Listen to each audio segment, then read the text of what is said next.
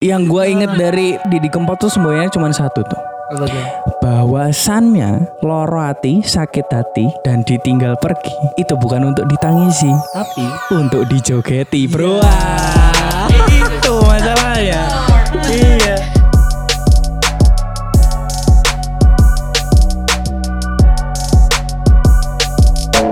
Hai, selamat mendengar dan selamat datang di forum diskusi ini.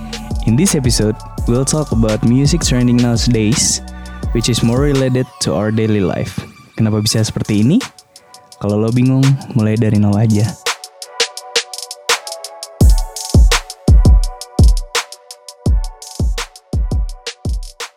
gue nih ngobrol sama orang yang pernah jaya pada masanya ya kan? Bet Betul. Iya, betul. bisa, bisa. Saya bisa. berpengalaman lah gitu kan di masa mudanya. Tapi masih muda kan sekarang? Anjing masih muda gue bos. muda, Iya. Berapa pak?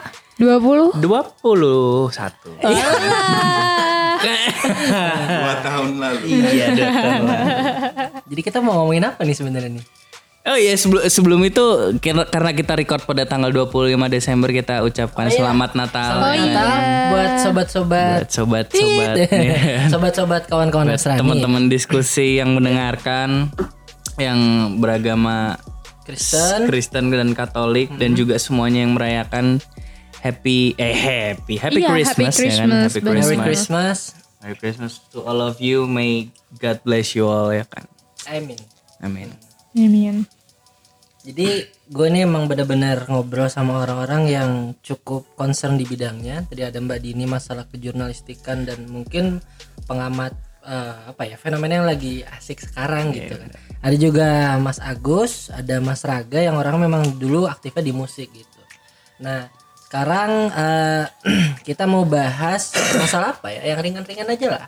ringan-ringan aja lah. Ya, Ringan aja. masalah budaya eh bukan budaya sih iya tadi back to the topic tetap di musik Eh sekarang itu ada semacam pergeseran selera bang kalau menurut gua dari kalangan pemuda lah mungkin milenialnya udah habis ya. Generasi Z lah ya.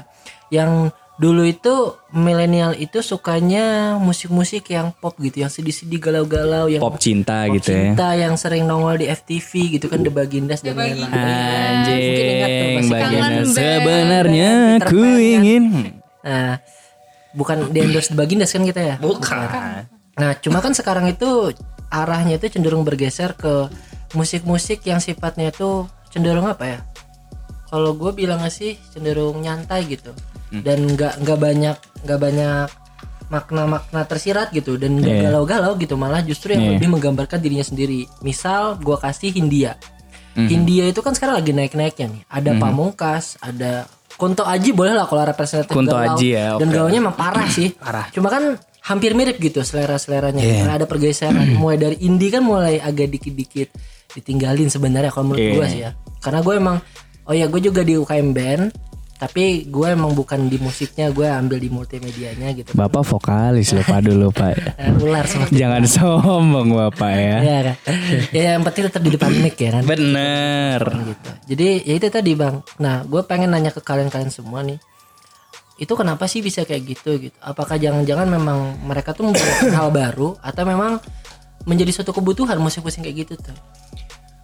eh kalau gue pribadi ya kalau menyoroti tentang pergeseran tren musik dan temanya gitu emang sebenarnya kalau gue bisa amatin itu siklusnya itu kayak per dekade gitu loh Ya ada dekadenya. Iya per dekade. Jadi sekarang tahun 2019 gitu.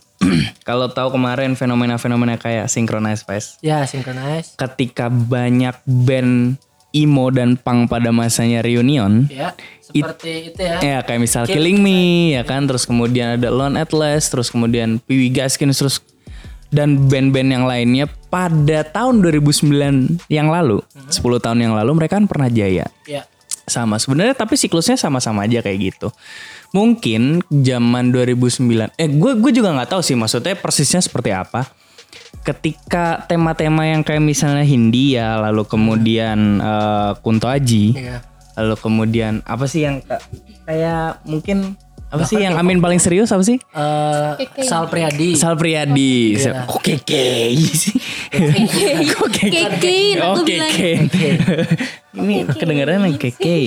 Iya itu eh, mereka kan emang our daily life banget. Benar-benar. Our daily life terus kemudian kalau Kunto Aji mungkin lebih ke yang dia ngerasa jadi kakak lalu kemudian ngasih tahu adeknya bahwa kalau lo punya masalah bla bla segala macem yang belum selesai urusannya selesaikan. Which is itu kalau menurut gue lebih ke kesehatan mental kita pribadi. Nah kebetulan Dini itu barusan kemarin itu dia rilis uh, apa namanya apa sih artikel. Ya nah artikel tentang uh, gimana sih uh, mental health issue itu bisa jadi trending. Nah ini kita back to rootsnya aja nih, ya. kita back to rootsnya aja gitu. Nah berhubung dia yang nulis, kayak dia yang yang tahu gitu kenapa bisa jadi trending dan segala macam. Padahal menurut menurut gue ya, menurut gue pribadi, sorry to say no offense dan segala macam karena mungkin gue juga nggak merasakan it- hal itu. Somehow gue merasakan mental health issue itu adalah Ya mungkin sorry itu saya banget nih omong kosong gitu. Kadang-kadang gue ngerasa seperti itu karena ap- apa ya ini ini nanti kamu ya aja yang ngejelasin ya. nah, karena kalau bagi sudut pandang gue adalah orang yang mengaku atau self proclaim diri mereka sebagai I have mental issue gitu. Itu somehow menjadi kayak dia caper atau kemudian Iya, that's right. ah ya kan. Aku juga ngeliat kayak gitu. Nah, Justru kayak gitu kan. butuh Banyak. dapat pengakuan, dan like dan di repost ketimbang Iya. menyembuhkan dirinya sendiri. Bener, persis. Jadi lebih kayak misalnya lo lo ngalamin sesuatu gitu, kejadian hal yang nggak enak, terus efek sama daily life lo gitu, terus kemudian si mental health issue ini jadi pembenaran atau Ya. jadi proteksi diri gitu. Dan orang-orang lain tuh merasa diafirmasi, oh ternyata ada orang lain yang kayak aku. Iya, oh juga. sama ya ternyata ke- gejalanya bla bla bla segala macam gitu. media itu Nah, mempertemukan. itu juga sih. Nah, ini pakarnya nih. Nah, Dia boleh soalnya boleh silakan nih mbakku nih mbak Dini silakan jelaskan artikelnya anjir keren juga ya lu Aduh. bikin artikel ini aduh Gila malah. Gak bangga Ini gue punya kakak Parah. kalian parah emang Apalagi gue cowoknya kan. Ya. Iya, iya, iya, iya, iya, iya, itu, itu ya. lapar ini emang ini Gimana, gimana, gimana? ya tadi eh, tadi kan udah disinggung juga ya artinya rata-rata lagu-lagu mbak yang sekarang tuh lagi hits tuh cenderung dia tuh relate dengan orang-orang konsumennya. Misal lagu Kunto Aji yang memang dia pengen nyem- nyembuhin kesakit hatian itu. Lagunya Hindia yang seolah untuk terapi diri sendiri kalau kata si Baskaranya kan. Terus lagu-lagunya indie-indie yang itu tadi yang mereka sih butuh pengakuan ketimbang menyembuhkan apa yang dia alami gitu. Nah itu akarnya dari mana sih Mbak? Kita bahas dari nol aja nih mental illness atau mental health itu. At least. boleh boleh boleh. Jadi gimana nih? Pertama sebenarnya gue juga beropini ya, namanya opini, juga betul, artikel ya. Jadi di sini gue bukan orang yang ahli dalam bidang ini, tapi kita sama-sama belajar. Tapi kan kita backgroundnya pekerjaan Kesos, sosial, ya. yang yang mana itu kita nggak jauh dari hal sifatnya ke psik- psikologi. psikologi. Heeh. Betul. Jadi kemarin gue sempat rilis artikel judul artikelnya tuh depresi. Hal serius yang kini menjadi tren di kalangan milenial kayak gitu. Nah ini ini ini juga salah satu bentuk opini tapi gue bukan bermaksud untuk menjustifikasi bahwa semua orang yang apa ya yang mengaku dirinya itu memiliki mental illness itu adalah apa hanya caper semata gitu. Gua nggak nggak ada penggiringan opini ke sana maupun ya menghakimi mereka sebagai orang-orang yang caper. Sebenarnya kalau dipikir-pikir banget gitu, orang yang punya mental illness itu bener-bener orang yang harus kita tolong. Betul, sebagai pekerja sosial. Iya benar. Nah harus benar-benar kita tolong karena mereka itu benar-benar sakit banget. Jadi, nah tapi ini kenapa sih orang-orang kayak yang mengaku suka bilang aku ini punya mental illness loh, tapi padahal sebenarnya itu cuman kesedihan biasa gitu. Iya. Jadi mereka tuh kadang nggak bisa ngebedain antara sadness and depression gitu. Tapi mereka self proclaim bahwa mereka itu depresi tanpa adanya apa? Tanpa adanya hasil Diagnosa lah ya. diagnosa dari psikolog atau psikiater gitu. Jadi kalau seumpama mau dibilang depresi itu kita juga harus ya kalian mau nggak kalau dibilang depresi kalian dibilang gila? Hmm. kalian mau nggak kalau dibilang depresi kalian ngeluarin duit ke orang-orang psikolog Jangan mentang-mentang kalian pengen cuman dapat perhatian doang kalian ngomong kalian depresi gitu. Tapi konsekuensinya, tapi resikonya kalian gak mau nanggung gitu. Betul. Itu sih, itu sih yang jadi apa ya hal yang sangat disayangkan gitu. Jadi orang-orang yang bener-bener mental illness punya mental illness jadi kena batunya eh kena apa ya bukan batunya apa sih bahasanya kena imbasnya gitu. Mereka yang pengen diobati malah mereka Allah itu cuma caper doang. Iya, jadi Orang yang- terstigma kayak gitu. Heeh, jadi kan orang-orang Jadi dia kita membedakan yang mana yang mental illness, yang Nah. mana emang dia tuh caper gitu. iya gitu. Nah ini menarik juga mbak kalau gue boleh nyambung, itu kan emang peran sosial media kan emang besar banget gitu, bisa gue bilang pengguna internet aja kalau kita lihat di situs data itu di Indonesia khususnya ada sekitar se seper, eh, dua per tiga lah. Dari kita kan populasi 200 hampir 270 jutaan kan. Ada sekitar 180 jutaan itu pengguna internet yang mana dia tuh mengakses sosial sosial media. Peringkat Betul. pertama itu ada YouTube kedua Facebook ketiga Instagram Twitter sampai eh, sampai ke bawah itu sosmed lainnya gitu. Nah cuma yang menarik adalah bahwasanya ketika orang itu mengupload apa yang dia rasakan di sosmed kemudian eh, itu menarik apalagi yang upload ini yang influencer ya Nah, itu kacaunya. Iya iya. jadi seolah-olah para fansnya ini itu atau, juga nyambung tuh. atau yang lain itu merasa terafirmasi oh ternyata aku juga kayak gitu oh Hmm. ternyata sama nih gitu padahal kan belum tentu kan gitu loh Iya. jadi tadi sosial media itu adalah ajang untuk mengafirmasi atau menjustifikasi apa yang dia rasakan yang mana sebenarnya itu uh, diagnosanya juga belum tentu benar dan komprehensif kan Iya. gitu nah jadi uniknya itu itu fenomena yang sekarang melanda para generasi milenial ke bawah generasi Z dan mungkin Alpha dan sebagainya gitu. Soalnya dia merasa ada teman juga di sosial media gitu. Nah. jadi kenapa kenapa dia berani uh, ngupload sesuatu hal yang seperti itu? Karena kalau kalau di bukunya Stephen Davidowitz itu ya judulnya itu. Everybody Lies tentang big data. Kenapa orang berani mengupload sesuatu tentang dirinya sebenarnya itu pri- privat banget ke sosial media? Nah, karena dia merasa merasa coba lu buka buka HP pasti lu ngerasa hanya lu sendirian kan ada di depan HP lu. Oke. karena itulah lu merasa privat dan lu upload itu gitu. Oke. dan biasanya itu ada di Twitter dan di WA jarang ada di IG kenapa? Karena kita lihat tingkatannya Instagram itu biasanya dia cenderung untuk dapat pengakuan dan uh, apa ya fake banget kan Iya, kalau Twitter itu kan justru dia anon banget itu bahkan bukan namanya sendiri di sana Lebih ke trash talk. Nah, omongan-omongan yang nggak tersampaikan itu justru ke Twitter. Iya. Kalau kalau di WhatsApp itu kan para follow apa ya orang-orang followingnya itu kan keluarga kadang-kadang justru Iya. butuh dapat apa ya perhatian kalau di WhatsApp. Tapi Iya. kalau di Twitter dia butuh banyak retweet dan like sebenarnya. Benar, benar. Itu sih kalau kata gue sih. Jadi peran media sangat berpengaruh sebenarnya mbak.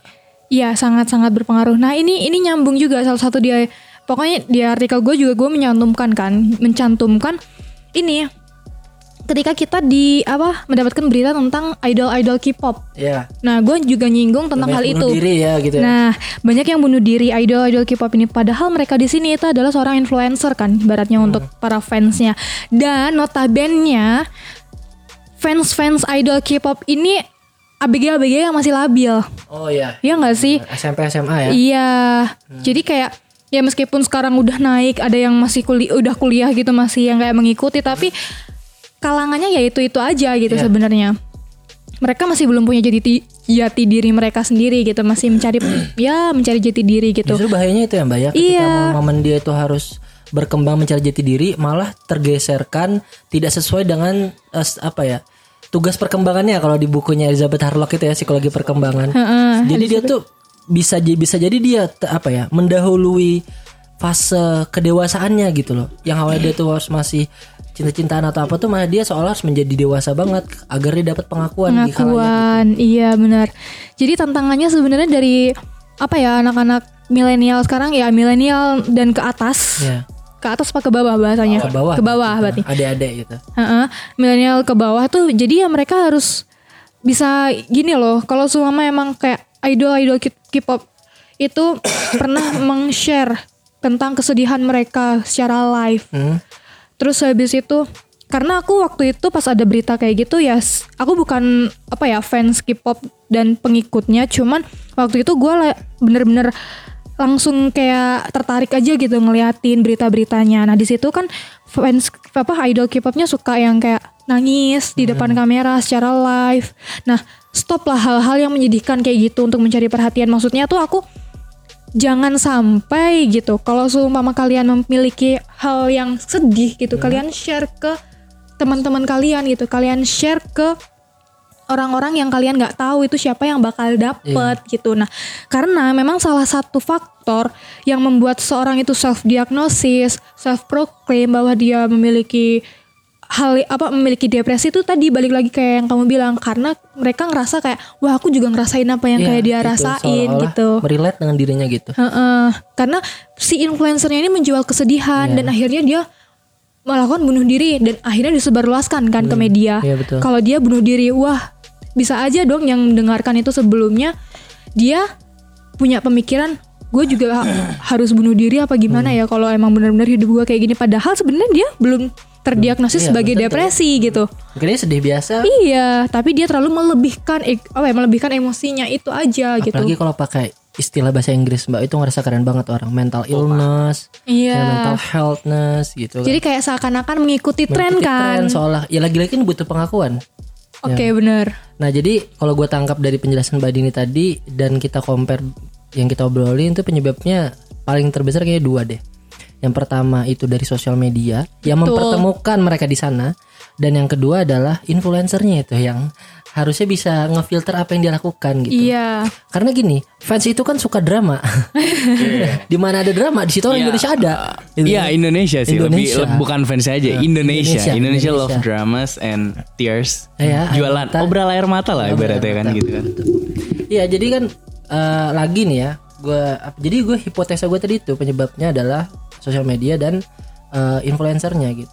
Jadi harusnya dari pemerintah ada edukasi ya terhadap influencer ya, biar memberikan konten itu tuh bisa difilter. Hmm, gitu. bisa di, tapi gue nggak bilang kayak kalau idol K-pop itu dia hanya caper dan mencari karena Iya. mereka kan emang udah ada mereka Hmm. juga bisa membayar psikolog mereka emang Iya. udah dibilang memiliki dokter pribadi dan mereka emang memiliki depresi tapi gua nggak dan gua nggak bilang mereka itu caper gitu ya yang Hmm. idol K-pop cuman gue yang memiliki fans-fansnya Iya. aja gitu Berarti apa namanya?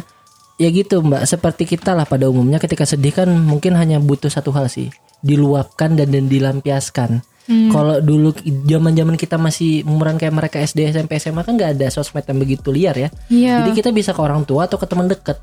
Sekarang kan ketika dia ngerasa anon banget, ngerasa private banget, merasa sendiri banget, dia punya Twitter. Jadi ke Twitter lah dia itu larinya gitu loh. Sehingga kalau kita ini ini ini menarik nih. Gue gue pernah bikin esai waktu ikut lomba eh, IPSPI itu nggak salah. Nah, gue bikin esai sama adik-adik gue tuh Kia. Judulnya tuh eh, re- intinya adalah rekam jejak digital itu sebagai alat ini assessment.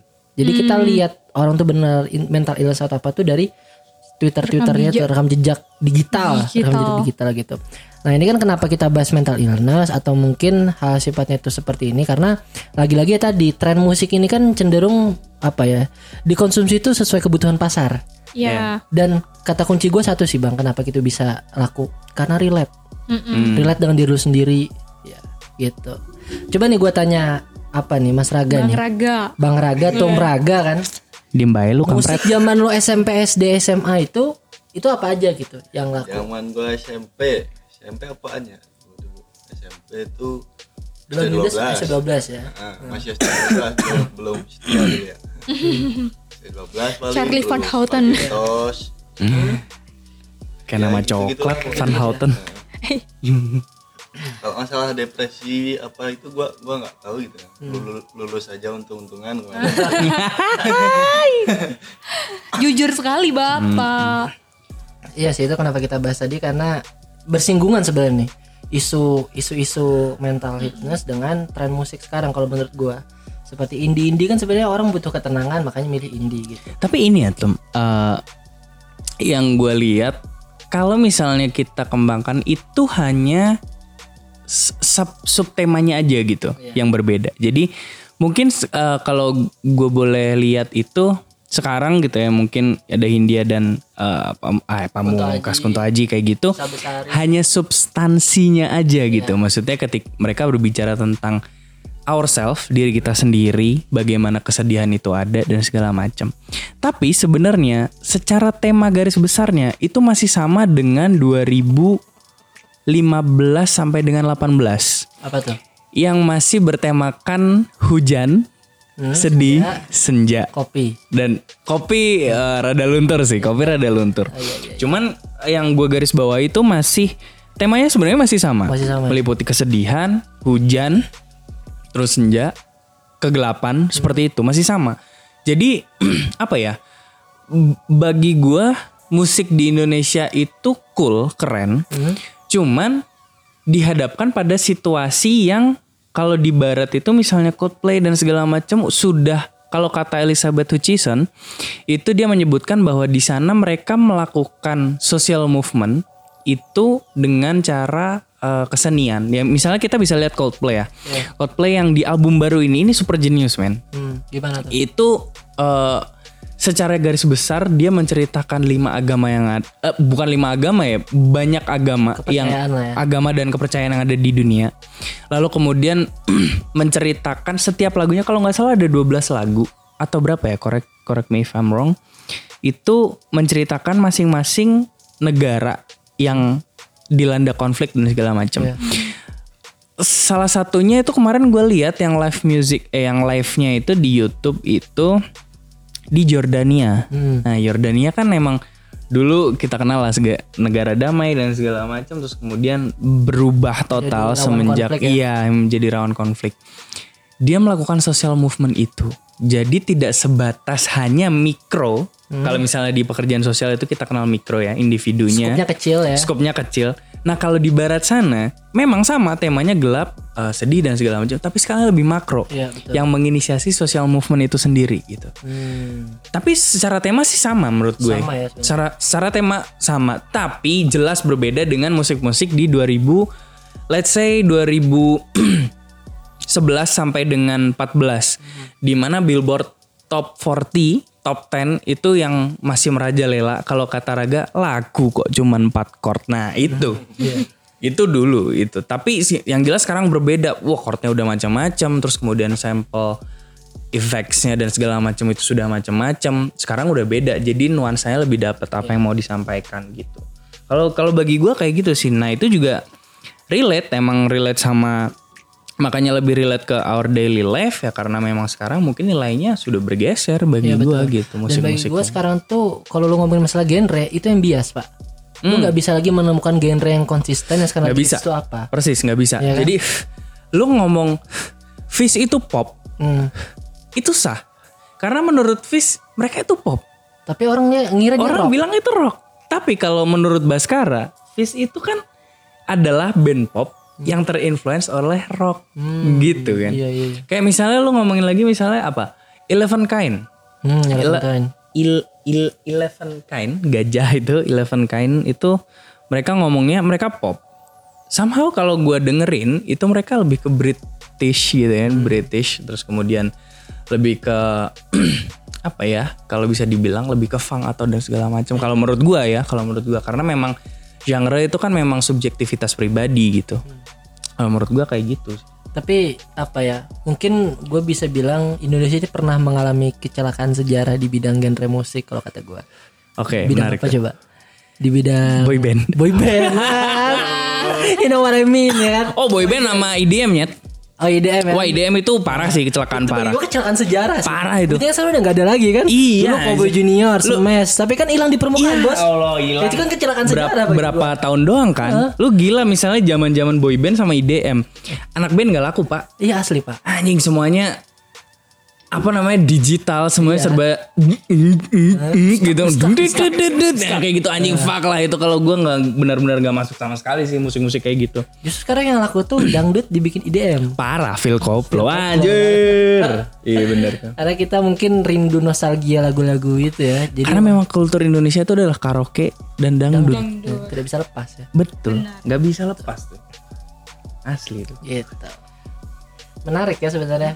Ngeri ya kita bisa bisa kasih irisan antara musik, isu-isu psikologi. Parah, Keren gitu nih Pak. Keren. Dan gak kerasa udah 37 menit kita record ya kan Wah gila Gila banget. Padahal kemarin Erda ngomong sendiri 12 menit kalau nggak salah Iya Dia juga retake berapa kali lu ya Iya. Gitu.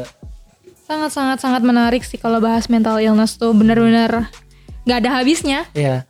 Oh ya, eh, ini juga ya mau sedikit kasih informasi kita ngomongin hal-hal psikologi abnormal bisa jadi. Kita Iya. ngomong gini-gini nih bisa kita pertanggungjawabkan karena kita belajar psikologi ini dua semester gitu ya. Wah, dua semester. Dua semester. Tambah lagi gue satu semester lagi. Nah, ya kan. Jadi ya kita bisa pertanggungjawabkan lah itu gitu. Bukan berarti kita juga benar. Mohon dikoreksi aja kalau Disclaimer. salah. Nah, disclaimernya. gitu. Iya, kita sama-sama belajar lah Sama-sama intinya di sini. belajar. Cuma bedanya kami dari mahasiswa pekerjaan sosial ngasih insight ke kawan-kawan kayak Nah. gini nih. Gitu. Jadi Itu, pesannya aja kalau yang Hmm. emang benar-benar mental illness, kalian cari psikolog. Kalau kalian pengen selain psikolog, kalian bisa cari yang gratisan tuh.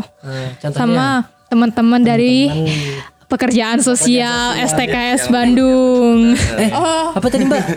Gratis nyarinya kita. Berarti kita nggak dibayar dong.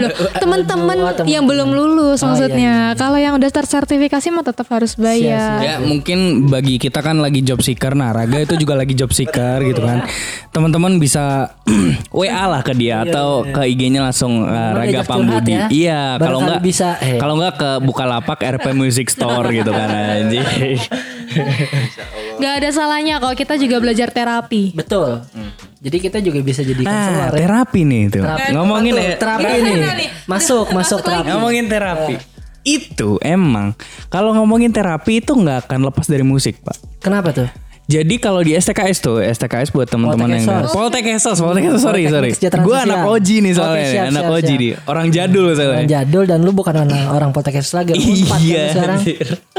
Buat di Poltek Esos tuh ada namanya tiga kali praktikum. Hmm. Praktikum satu, dua dan tiga. Nah praktikum dua ini yang kita praktek di kayak mis- misalnya di Instansi, institusi, lembaga ya? Hmm, di instansi atau lembaga, institusi formal. Nah gue waktu itu kebagian di SMP. Hmm? Settingnya pendidikan. Nah, gue menerapkan terapi realitas ya. Jadi terapi realitas itu kan sebenarnya lebih menekankan bahwa ya udah realitanya kayak gini. Iya. Lo emang muka lo begini, ya kan? Lu terima. Ya itu lo kan? terima. Nah. Dan tapi lo nggak boleh terima buruk lo aja gitu. Lo pasti punya potensi lain dan segala macam. Nah untuk melakukan terapi realitas itu kita juga butuh musik Oh musik ya. butuh musik. Nah, gue waktu itu karena memang kebetulan band gue sama Raga udah recording ya. Tunggu band lu apa nih band lu nih? Iya. Ah, jadi ini gue Di endorse sedikit lah nggak apa-apa. Gitu. Jadi adlib sedikit ya kan. Kalau misalnya di Instagram lo bisa cari ya kan at bbw official underscore. Apa itu BBM? BBW itu Big Beautiful Woman ya kan. Jangan lu search Big Beautiful Woman di YouTube, Di YouTube. doang. Atau di Bahaya. Retop jangan bahaya juga. Apalagi Reto bos. Tapi di Indo XX1 bisa. Muncrat anjing Indo gitu. XX1 bisa. Udah tutup. Mau mau tutup mau tutup. Miskin nggak boleh nonton film jadi. Wah anjing itu keputusan yang blunder sih menurut gue sih bagi sobat miskin Oke, kayak gue. back to the topic. nah itu gue melakukan karena karena band gue juga ngambilnya eh post rock gitu, lebih cenderung ke instrumentalnya. Gue ngambil lagunya yang instrumentalnya aja untuk melakukan terapi relak- relaksasi juga dan juga untuk terapi realitas. Dan itu sangat mendukung atmosfer emosional klien atau user ketika mereka diintervensi sama kita gitu.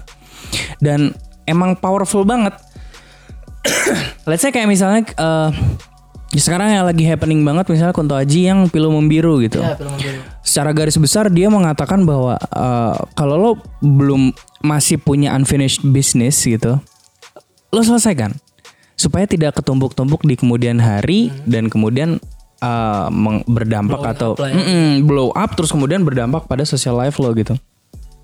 Nah itu sama gitu.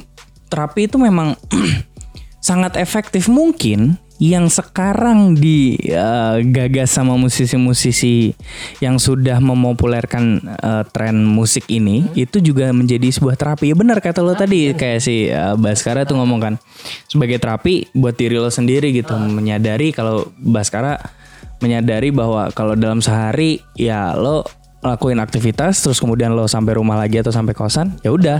Lo bilas muka gosok gigi terus evaluasi gitu untuk mempersiapkan hari esok. Nah mungkin itu jadi korelasi juga sih. Jadi eh, musik juga bisa jadi sebuah terapi buat eh, teman-teman ketika lelah ketika teman-teman membutuhkan insight baru. Karena kadang-kadang memang mus kalau bagi gua gue gue dan Raga itu sulit menciptakan lagu yang ada liriknya ya kan John? Yang ada liriknya itu sulit. Karena kita tidak bisa meluapkan emosi kita di lirik tersebut. Mungkin karena memang keterbatasan gue juga ya.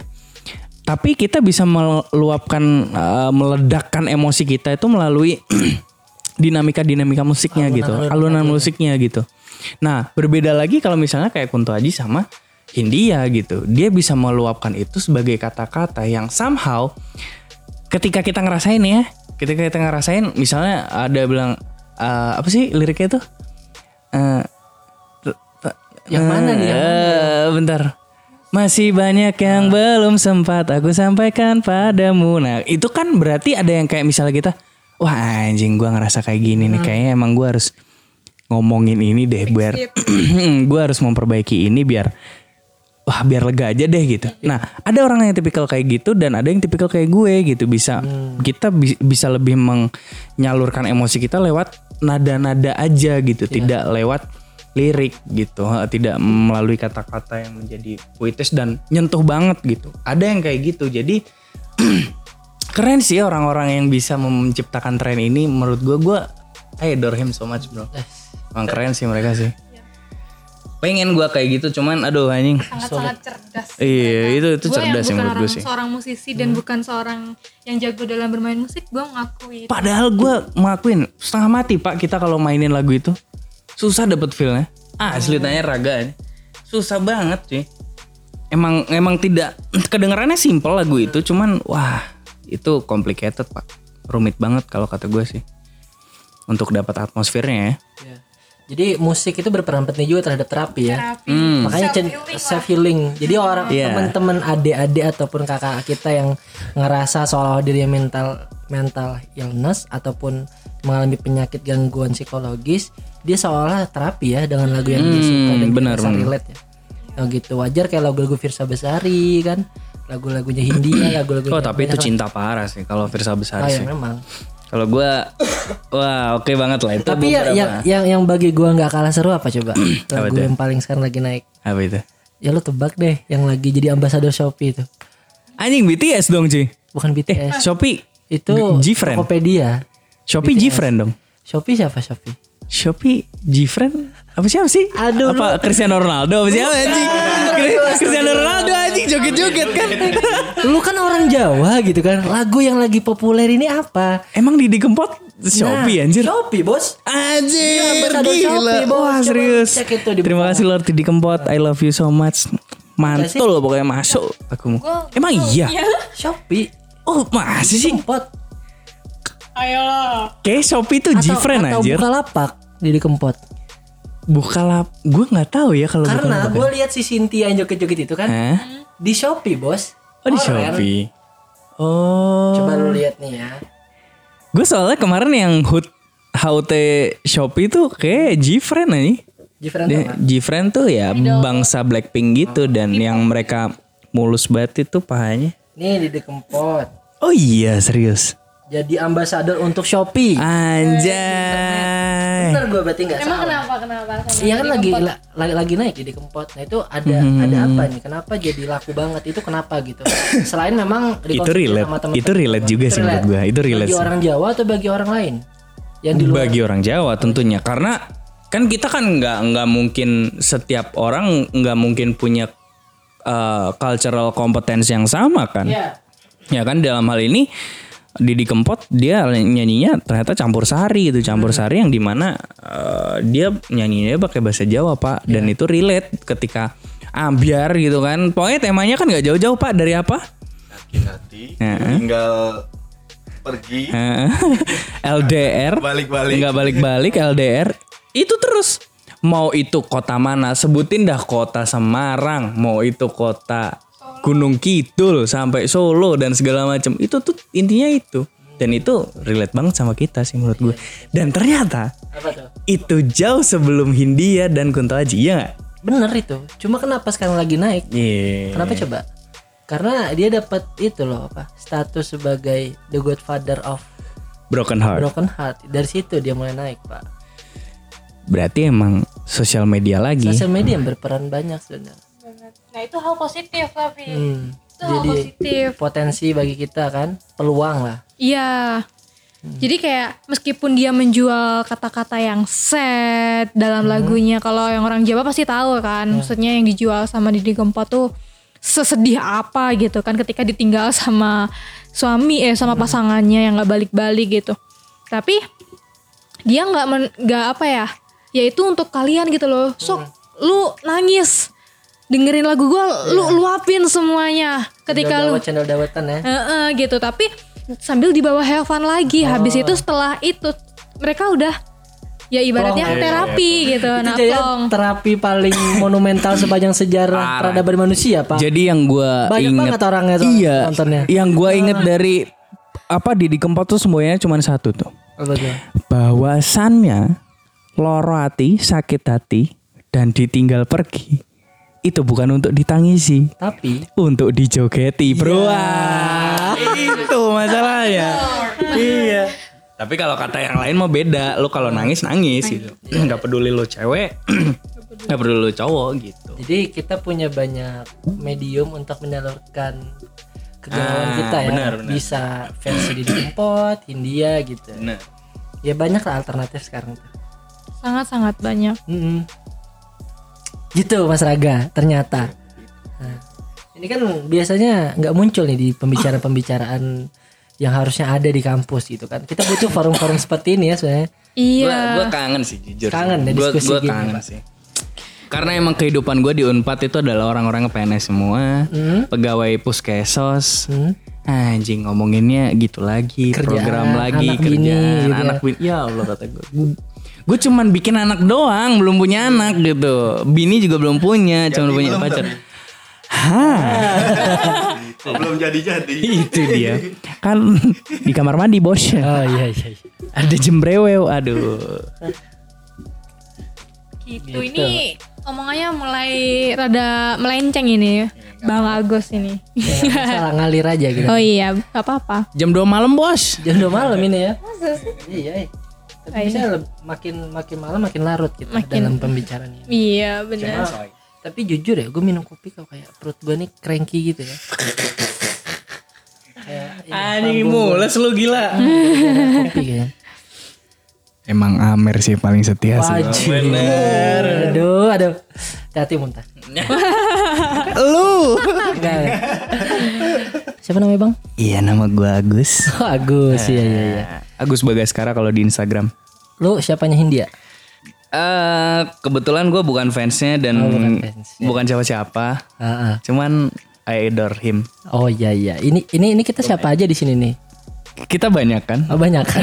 Oh, kok enggak enggak kedengaran Iya, gitu kedengeran nih. Coba ngomong, coba ngomong, coba, Coba ngomong, coba Silakan, ngomong. silakan. Ya udahlah. Siapa-siapa baik ya kan? Silahkan nih Dari perkenalin nih. Eh jadi gua bilang ataupun nyapa teman-teman kita ini namanya teman diskusi gitu. Ya paling kenalin dulu nih yang di sampingnya Agus Baskara tadi siapa nih kira-kira? Agus Kan nama gue Bagaskara Iya, pak, bukan Baskara. Aduh, gue nih emang kayaknya bener-bener bener-bener ke distract sama Hindia ya. Bukan. Iya. Ya udah lanjut lanjut. harus maju-maju dulu gini ya Iya harus maju soalnya mic-nya murah gitu. jadi kita pepet-pepetan Pepetan. nah ya yang di sampingnya Agus Bagaskara ya bukan Iya. Baskara itu ada Dini Yudhistira Ah, ah, siapa pakai Yun? nama asli aja deh ya Iya. Jangan nama panggung. nah, Dini Yudhistira, Dini Ozawa. Dini Ozawa. aduh Dari Jepang berarti Mbak ya. oh my god Kalau samping gue siapa nih? Nih, nih. Ya, gua raga, raga aja lah. Oke, Aneh-aneh lah ya. Oke. Jadi ini gue lagi duduk bareng eh, senior ataupun ya keluarga lah, ya, bisa dibilang keluarga yang ngebimbing gua selama di kampus anjir. Eh, bisaan lu karet katel. ya ini jadi kakak-kakak yang dulu teman main lah, teman se-UKM. Ada yang seorganisasi, ada yang se-UKM, banyak dulu lah. doang nih Dulu do- sekarang sampai sekarang masih justru sampai sekarang gitu. Sobat ada gabut. sobat gabut ada Bang Raga, ada Bang Agus, ada Teh Dini kan. Jadi kita pengen diskusi lah hal-hal ringan seputar tadi yang disebutin Mas Agus juga terkait dunia permusikan ya. Iya. Permusikan karena memang orang-orang yang di sini tuh memang backgroundnya rata-rata musik. Jadi oh ini sebelum kita ngobrolin lebih dalam lagi, kayaknya teman-teman diskusinya harus tahu lu tuh latar belakangnya apa aja gitu. Mungkin da- boleh dari Mas Agus ya. Iya. Mas Agus ini dulunya di kampus tuh aktif di mana gitu? Iya, eh beberapa orang oh iya gua gua dulunya ini Tom gua eh, waktu S1 anjing sekarang udah S2 kan D4 loh. oh D4 D4 iya benar Jangan lupa identitas. iya loh. gua D4 nya di STKS sama kayak lo kan Hmm. eh angkatan sekarang. oh sekarang Poltek Lu Esos lulusan STKS atau mau TKS? gue STKS bos yoi nah gue dikenalnya sama orang-orang eh, sebagai anak band gitu kan sebagai anak band. Terus alhamdulillahnya secara kecelakaan juga gue pernah memimpin salah satu UKM di eh, STKS itu namanya UBS UKM band STKS Bandung selama dua periode. Eh, terus habis itu gue mulai merintis FOMKA Forum Musik Kampus Bandung. Itu di tahun 2000 berapa ya? 16 kalau nggak salah. 2016 15 ah, eh, 15 akhir 15 akhir merintisnya terus kemudian akhirnya kita bisa gol di 2016 awal. Itu masa jabatan gue kurang lebih 2016 sampai 2018 akhir kemarin Oh, berarti lo emang dari kampus emang udah aktif di dunia musik ya? Iya bisa dikatakan begitu Tapi beda nasibnya sama musisi-musisi yang lain ya kan gitu Karena ada dua hal sebenarnya menyebabkan kesukses- kesuksesan kita nih. Pertama nasib, kedua nasab. Kayaknya nggak punya nasab ke sana. Nah nasab gue tuh kebetulan memang tidak ada yang musisi bos Tidak ada musisi. Iya kan Politisi ya. Pol- ah itu ya kan disebut tuh jangan gitu ya alhamdulillahnya gue begitu ber- lumayan berkecimpung di dunia musik. Sama sama bos raga juga. Iya. itu adalah eh, tandeman. Nah, tandeman gue ya kan? Tandeman gue. Sobat gabut tapi dia paling jenius dalam band gue ya kan? Gimana bos? Bos? Eh, gitu. Jadi nggak nggak- antara sengaja nggak nggak sengaja sih Tom jadi emang ketika kesempatan dan bertemu dengan kesiapan Oh, ya kan kesiapan. oh jangan sempit sempit kesempitan. ketika kesempatan ketemu dengan kesiapan jadilah faktor luck gue gitu di dunia musik Raga ini siapa? olahraga Oh, Raga. Lu sama juga nih di UKM musik nih di kampus. Eh, iya sih gua gua apa ya bisa dibilang eh, penerusnya lah gitu Oh, Nggak- Di kader Agus ya. Eh, nggak begitu nggak begitu ikut dari awal gitu ngopi dulu Pak De yoi Biar gak grogi. iya iya iya Iya. ya gitu eh, gua dulu juga jadi pengurus gitu kan ngurus setelah Agus gitu. dan di Fomka juga ya ikut Eh, dulu ada lagi sobat kita namanya Haryo dulu ya Oh ya Haryo. Sal- sa- salam buat Haryo gitu Ya, ya. salam Halo Haryo Haryo. gitu. Shout out buat Haryo jauh di Sukabumi ya kan. Iya iya. Lagi ternak sapi ya. jadi emang dulu Yang dari Medan enggak? Yang dari Medan. oh iya satu lagi itu pokoknya Yang tidak disebutkan namanya. The Lord for the Mort nih kan.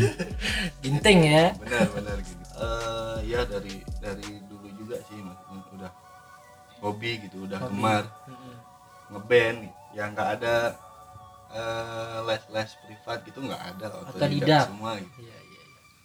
dan eh, kalau dibilang masalah apa ya masalah bikin musik atau gimana nah itu sesuai dengan keinginan kita sendiri gitu kalau menurut gua gitu.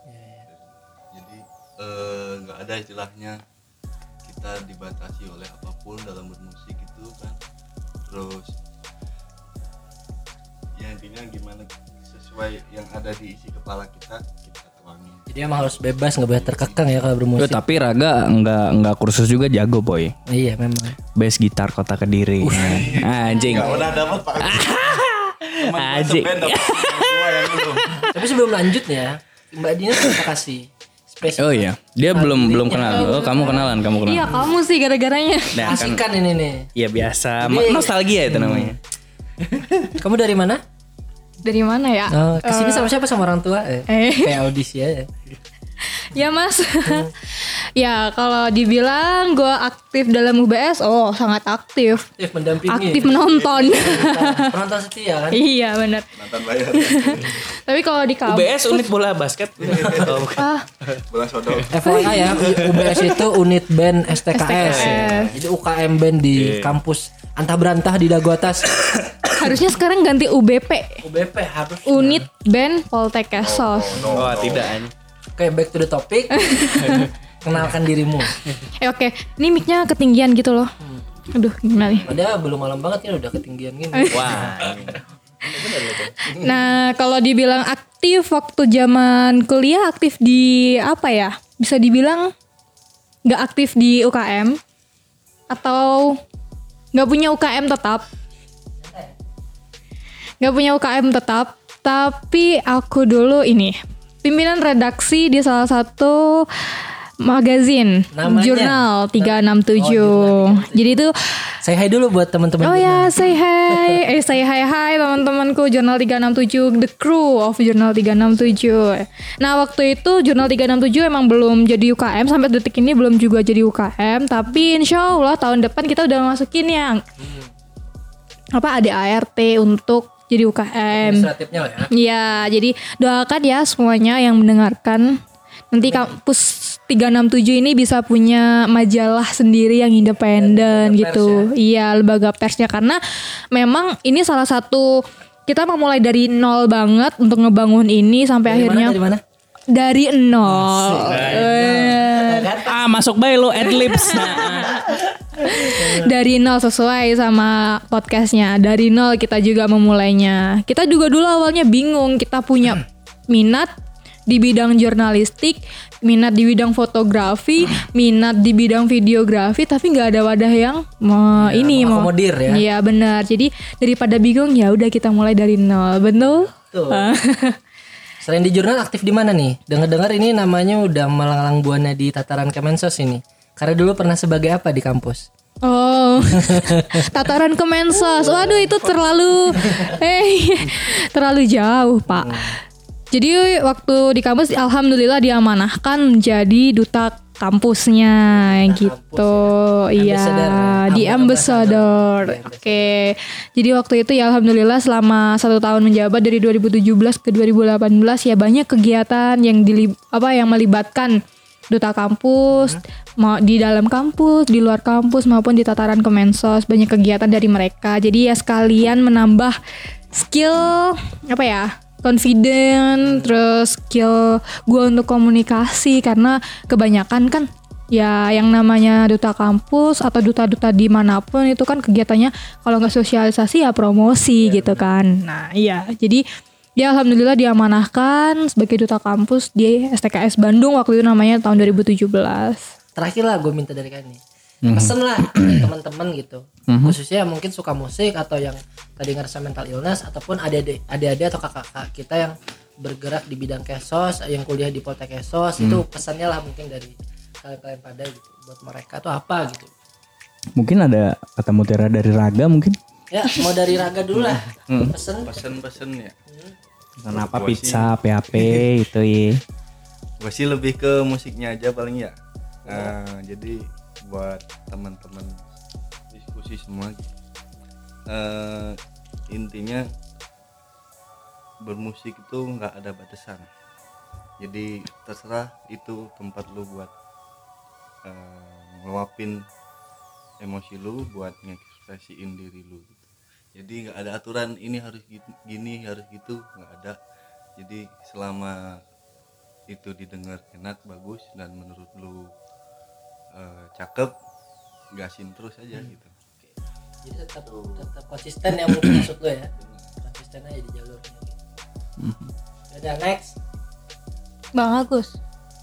Oh. Penutup ya, Pak. Ini pasti udah menyiapkan ya closing statementnya dia udah menyiapkan pamungkasnya. I love you. eh. Eh, bukan bukan bukan bukan bukan bukan. Kalau gue apa ya? Gue lebih ke ranah peksosnya sih Oke, mungkin. peksos. Jadi buat teman-teman yang memang masih ngerasa mental illness cepet sembuh kalian yang ngerasa memiliki mental health issue kalian juga cepat disembuhkan yang ngerasa memiliki bipolar kalian juga disembuhkan ya mungkin sangat-sangat susah buat disembuhkan tapi tetap semangat menjalani hidup tapi untuk kalian yang di luar sana yang merasa hidup kalian tuh hancur karena kalian punya tekanan-tekanan yang kita nggak tahu seberapa yang sekiranya masih bisa disembuhkan carilah teman di lingkungan sekitar kalian untuk diajak ngobrol Minimal banget ya. Iya minimal banget kalau kalian memang belum siap untuk menemui psikolog atau psikiater gitu. Dan jangan kalian self diagnosis gitu karena tekanan orang-orang depresi itu lebih besar ketimbang apa yang udah kalian perkirakan apa yang udah kalian pikirkan gitu. Ya. jangan sekedar mengucapkan aku mental illness. Cukup dengan itu aja kalian udah bisa mendapatkan perhatian dari orang-orang. Kasihan orang-orang yang udah mendapatkan eh yang udah ngasih perhatian lebih ke kalian tapi ternyata kalian ya cuman mencari perhatian aja kalau emang kalian pengen disembuhkan cari teman ngobrol terus itu lagi balik ke nyanyi-nyanyian buat self healing kalian gitu jadi ada dua opsi itu yang menurut gua paling ampuh untuk kalian kerjakan tanpa mengeluarkan biaya musik Ya. sama temen Oke, temen ya. Itu nggak itu bahkan itu gratis ya? Bahkan gratis. Temen ada. Masih juga bisa diakses. Oke, lanjut nih dari The Lord of the Lord. Iya. Bagi gue, apa pun kerjaan yang lo kerjain dan bagaimanapun kondisi kalian, ya berusahalah untuk satu, yaitu berdamailah dengan diri kalian sendiri. Ketika kalian sudah berdamai dengan diri kalian sendiri, yang bermusik nggak perlu takut untuk nggak dapat pasar. Dan bagi teman-teman yang memiliki mental health issue, ya kalian nggak perlu takut untuk kehabisan pendengar untuk eh, mendengarkan cerita-cerita kalian dari nol gitu. Ya, itu aja. Gitu aja. Oke. Kalau dari gue sederhana sih. C gitu. Ini kalimat pamungkas. Enggak, enggak pas banget. Sebenarnya sih tadi bener kata Bang Raga, Agus sama Mbak Dini itu ya coba selesaikan urusan diri lu dulu sehingga lu bisa berdamai dengan diri lu sendiri agar lu nanti mudah ketika mau berkarya atau melakukan sesuatu hal gitu. Ya tetap konsisten aja gitu. Kalau bingung mulai dari mana ya dari mana? dari nol. dari no aja sih, stay konsisten, stay confident and tetap bikin karya gitu. Itu sih. Gua nggak ada kata-kata mutiara ya soalnya. Iya, alhamdulillah. Terima kasih. Oke, sampai ketemu di episode selanjutnya dan Mbak Dini semoga podcastnya cepat jadi. amin Kita tunggu eh, teman-teman diskusi pengen diskusi juga bareng Mbak Dini gitu kan secara intens dan privat gitu. aduh Ah gitu. Oke. oke terima kasih Bye Assalamualaikum semuanya. warahmatullahi wabarakatuh. Shalom. Salam.